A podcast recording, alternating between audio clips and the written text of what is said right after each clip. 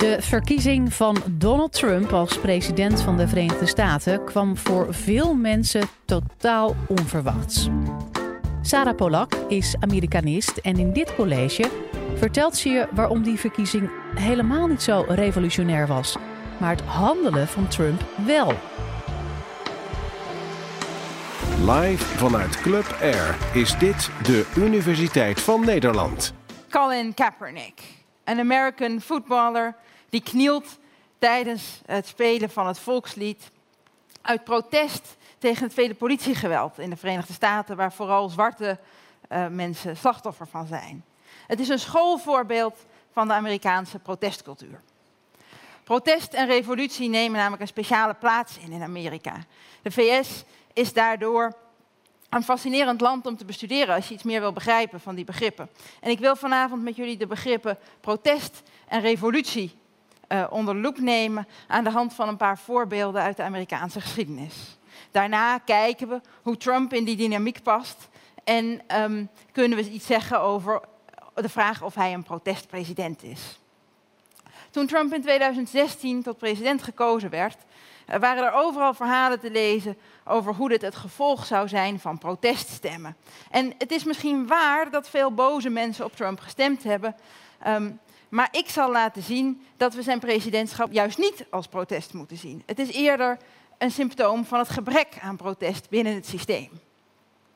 Bovendien zie je bij Trump zelf de neiging om veel protest en kritiek te willen onderdrukken. Hij twitterde bijvoorbeeld al tientallen, ik geloof inmiddels zelfs honderden keren over de actie van Kaepernick. Die moest gewoon maar verboden worden. Maar eerst wil ik ver met jullie teruggaan naar, um, naar, het, naar de opstand die eigenlijk het begin vormt van de Verenigde Staten. Uh, dat was in 1773 in Boston. De Verenigde Staten bestond nog niet, en wel was er een cluster van Britse koloniën. In de loop van de 17e en 18e eeuw waren er veel Europeanen naar deze nieuwe wereld toegetrokken, op zoek naar een beter en vrijer leven. En dat was in die vroege Amerikaanse koloniën ook te vinden, uh, zeker voor witte Europeanen. Maar omdat het Engels grondgebied was, werd er door Engeland uh, belasting en ook invoerrechten geheven. In de jaren 1770 ontstond er in de Britse koloniën uh, weerstand tegen die, uh, tegen die belastingen die moesten worden afgedragen aan het verre Engeland. Als er dan belasting moest worden betaald, vonden veel kolonisten, dan moest daar tegenover staan dat ze een stem kregen in het Britse parlement. Hun strijdkreet was dan ook no taxation without representation. De kolonisten protesteerden dus tegen de belastingen. Ze betwisten niet dat de Amerikaanse kolonie bij het Britse Rijk hoorde en zelfs niet dat ze belasting moesten betalen, maar in ruil daarvoor wilden ze politiek vertegenwoordigd zijn. Engeland, dat in geldnood zat, eh, weigerde een eerdere belastingverhoging terug te draaien, onder meer op thee. Um, intussen werden er, er wel grote belastingkortingen gegeven aan Britse bedrijven, waaronder het bedrijf dat de thee van India naar Amerika vervoerde. Nou, veel kolonisten vonden dat oneerlijk. Um, ze, het Britse bedrijf kreeg een belastingverlaging die ze zelf niet kregen. En representatie kregen ze al even min. Dus in de nacht van 16 december 1773 um, enterde een groep activisten uh, drie theeschepen die afgemeerd lagen in de haven van Boston en kieperde de hele lading van ongeveer 350 kisten thee overboord de haven in. Die wilde actie vormde de opmaat naar de Amerikaanse revolutie. De oorlog in de jaren daarna, eh, die leidde tot de onafhankelijkheid in 1776. Nou, uh, waarom is die Boston Tea Party nou zo'n belangrijk moment als we kijken naar opstand in de Amerikaanse geschiedenis? Deze actie markeert het moment waarop in de kolonie protest omsloeg in revolutie. Er zit namelijk een essentieel verschil tussen protest en revolutie. Protest fungeert binnen het politieke systeem en maakt gebruik van de mogelijkheden die dat systeem biedt. Een revolutie vindt juist plaats buiten het politieke systeem. Als je deel bent van een groep mensen die vinden dat hun belangen niet voldoende behartigd worden door het, door het politieke systeem, kun je protesteren. De Amerikaanse kolonisten die politieke representatie eisten in ruil voor hun belastinggeld, die wilden aanvankelijk helemaal geen oorlog met Engeland. Ze wilden serieus genomen worden binnen het systeem. Een recenter voorbeeld daarvan, van protest, is de March for Our Lives. Um, georganiseerd door scholieren van de Marjorie Stoneman Douglas School, waar op 14 februari 2018 17 leerlingen doodgeschoten werden. Um, de scholieren eisten dat de vuurwapenverkoop aan banden zou worden gelegd, iets waar veel Amerikanen juist heel sterk aan hechten. Um, dit soort protest noem ik met een term van de Franse politieke filosoof Chantal Mouffe agonistisch. Uh, dat wil zeggen, het zijn protesten die zich afspelen binnen het agon de verzamelde ruimte waarbinnen de politiek plaatsvindt. Let op, dat is dus geen uh, fysieke, geen kamer of een fysieke ruimte of zoiets, maar een abstracte ruimte uh, waarbinnen al het politieke uh, zich afspeelt. In die ruimte kan nooit volledige consensus zijn. Er zullen altijd belangen zijn die lijnrecht tegenover elkaar staan, maar ieder belang mag zijn stem laten horen en kan een plek opeisen binnen het agon. Agonistisch protest kan komen van personen die zelf nog geen stemrecht hebben, zoals het geval was bij die uh, Stoneman Douglas leerlingen. Maar het is er nooit op gericht om het politieke systeem omver te werpen. Een revolutie is er wel op gericht om het politieke systeem om, te gooien. Rond de Boston Tea Party ontstond bij veel Amerikanen de overtuiging dat agonistisch protest het vragen van politieke representatie zinloos was. En dat het tijd was om met geweld te gaan strijden voor onafhankelijkheid. Tegelijkertijd begonnen de Amerikanen een eigen democratisch systeem op te bouwen met een eigen grondwet. In feite dus een nieuw agon. Dus samenvattend, agonistisch protest wil binnen het systeem uh, op, uh, aandacht opeisen voor een specifiek belang. Een revolutie is antagonistisch. Een revolutionair gelooft niet in het veranderen van het bestaande systeem, maar wil het omverwerpen en dan zelf de macht grijpen. Het gevolg is dan vaak oorlog en revolutie. Uh, datzelfde gebeurde in Amerika nog geen honderd jaar later opnieuw. Um, het zuiden, in het zuiden van de VS was slavernij, in het noorden was dat verboden. En het noorden wilde dat barbaarse systeem in het hele land afschaffen. Maar het zuiden was economisch afhankelijk van slavernij. Er waren dus twee belangen binnen het Agon die fundamenteel botsten. Jarenlang werd er gezocht naar compromissen, waarbij, eh, voor de duidelijkheid, die tot slaafgemaakte mensen niets gevraagd werd. Um, maar in 1861 besloten de zuidelijke staten uit de Unie te stappen. Een antagonistische stap die leidde tot een extreem bloederige burgeroorlog. Het zuiden verloor de oorlog en sindsdien is er weer een eenheid, maar met nog altijd een duidelijke culturele onderstroom van antagonisme. Vooral in het zuiden. Denkt u bijvoorbeeld aan de Koekoeksklaan. Tegelijkertijd ontstond er tijdens en na de burgeroorlog een steeds sterkere um, beweging van zwarte Amerikanen die ook hun plek opeisten binnen het Agon, de burgerrechtenbeweging. De burgerrechtenbeweging van de jaren 60, met name het grootste en bekendste deel ervan, uh, geleid door Martin Luther King, was uitgesproken agonistisch. Uh, geweldloos, niet uit op het omverwerpen van het systeem, maar juist zeer zichtbaar en met grote politieke successen. Um, de burgerrechtenbeweging kende overigens ook antagonistische subgroepen die streden voor een uh, staat, een zwarte staat, uh, onafhankelijk van de VS. Nou, een recenter voorbeeld van een agonistische beweging is de Women's March. Sinds het eerste grote protest tegen Trumps seksisme op de dag na zijn inauguratie um, is de beweging zeer actief vrouwen aan het werven om zich verkiesbaar te stellen voor politieke functies. De eerste successen daarvan hebben we bij de midtermverkiezingen gezien. Er zijn nu meer vrouwen in het congres dan ooit tevoren.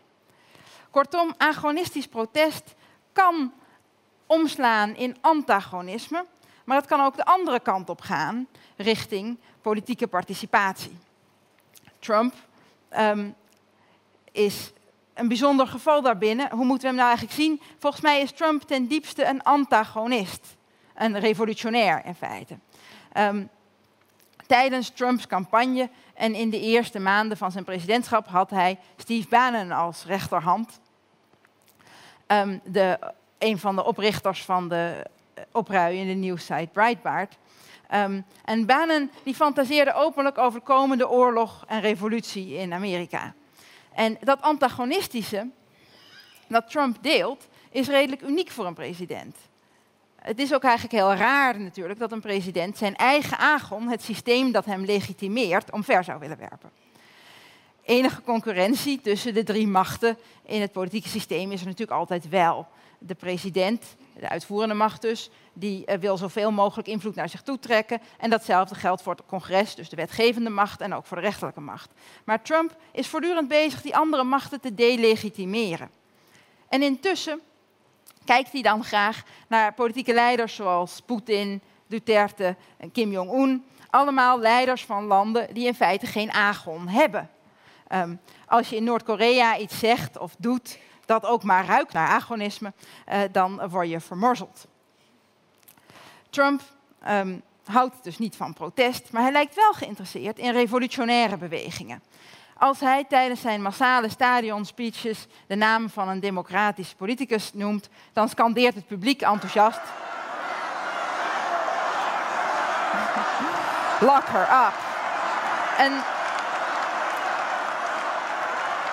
een bij uitstek antagonistische wens om politieke tegenstanders de mond te snoeren. En um, Trump die nodigt die reactie eigenlijk uit en hij staat tevreden te knikken als uh, dat ook echt gebeurt. En op die manier geeft hij in feite um, een platform aan antagonistische krachten in de VS. Ik moet daar wel bij zeggen, binnen de politiek is Trump in feite niet zo heel effectief als revolutionair. Uh, wel in de zin dat het beangstigende lange termijn effecten heeft. Um, maar op dit moment wordt er eigenlijk een ouderwetse uh, conservatieve politieke agenda gevoerd. Ze zeggen wel eens, de president houdt de mensen bezig, zodat de partij op de achtergrond de echte macht kan uitoefenen. En zo gaat het bij Trump nog wel meer, denk ik, dan bij anderen. En op dat punt is Trump misschien wel niet zo bijzonder. Hetzelfde geldt voor andere aspecten. Um, een seksist of een racist in het Witte Huis dat is eerlijk gezegd namelijk gewoon, zeker als je het over de hele geschiedenis van de VS bekijkt. Geen protestpresident dus, maar een antagonistische president die zich laat omringen door revolutionairen. Dat is wel nieuw. Maar hoe zit dat dan met die zogenaamde proteststemmen? Ten eerste is dat een ontzettend verwarrende term. Een proteststem is gewoon een stem. Wie ben ik om te beoordelen waarom iemand op een bepaalde kandidaat heeft gestemd? Maar er is al veel onderzoek gedaan naar waarom mensen op Trump uh, gestemd hebben. Dus daar kunnen we wel iets over zeggen. Um, en dan blijkt dat verreweg de meeste Trump-stemmers al hun hele leven lang op de republikeinse kandidaat stemmen. En veel van hen vonden Trump aanvankelijk een ongelikte beer. Uh, niet conservatief genoeg, niet christelijk genoeg of wat dan ook. Maar ze stemden liever op hem dan op de democratische kandidaat. Dat zijn dus eerder toegeefstemmen dan proteststemmen. Maar in traditioneel democratische staten, zoals Michigan, kan je wel spreken van proteststemmen. Uh, mensen die gedesillusioneerd zijn en niets zien in agonistisch protest. Dat is niet zo gek in een systeem waarin eigenlijk geen bodem zit. Geen vangnet van sociale zekerheid en waarin grote bedrijven ontzettend veel macht hebben. Je hebt als Amerikaans werknemer op weinig dingen recht en je moet dus hopen op een goede werkgever die zorgt voor bijvoorbeeld een goede zorgverzekering. En veel werkgevers doen dat, maar zetten een werknemer die zich aansluit bij een vakbond zonder pardon op straat. Zo'n cultuur kleedt het vertrouwen in agonistisch protest uit. Veel Amerikanen die de afgelopen decennia relatief en absoluut steeds armer geworden zijn, zien geen rol voor zichzelf in de politiek. Ze geloven niet in demonstreren en ze denken ook niet dat de politiek hen zal kunnen of willen helpen. Maar Trump, een karikatuur van een CEO, bekend van The Apprentice, zou misschien wel de godfather van genereuze werkgevers kunnen zijn. Geen vakbonden, maar tenminste wel werk. Um, in die zin belichaamt Trump juist het gebrek aan agonistisch protest onder de slachtoffers van de groeiende inkomensongelijkheid. Maar er is ook een andere kant. Het is waar dat bedrijven een enorme macht hebben in de Verenigde Staten. En in die zin is het logisch dat individuele burgers zich machteloos voelen. Maar er is de laatste tijd ook veel agonistisch protest tegen, uh, daartegen. Politici zoals Alexandria Ocasio-Cortez, die sinds kort in het Huis van Afgevaardigden zit, accepteren geen donaties. Eh, van uh, lobbygroepen en benadrukken dat er een bodem in het systeem nodig is, bijvoorbeeld in de vorm van collectieve zorgverzekering of minimumlonen waar je van kan leven. Um, en als uh, lobby's aan macht verliezen en gewone mensen meer bestaanszekerheid krijgen, is de redenering, dan wordt het ook mogelijk en zinvol voor gewone mensen om politiek betrokken te zijn binnen het systeem. Dus om terug te komen op de vraag waarom is Trump geen protestpresident? Trump houdt zelf niet van protest, maar is eerder een antagonist waar de dreiging van revolutie omheen hangt. Um, dat is opmerkelijk, want je verwacht antagonisme eerder van mensen die juist geen macht hebben. Um, tegelijkertijd zie je, uh, daar, zie je tegenbewegingen opkomen die juist wel uitgesproken agonistisch zijn. En of de verschillende bewegingen uiteindelijk het land de ene kant op zullen trekken richting meer politieke participatie, of de andere kant op richting revolutie, dat zullen we moeten afwachten. Dank jullie wel.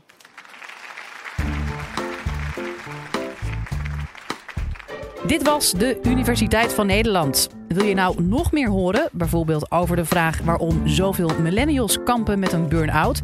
Of hoe je een oogbal kunt bioprinten? Check de hele playlist.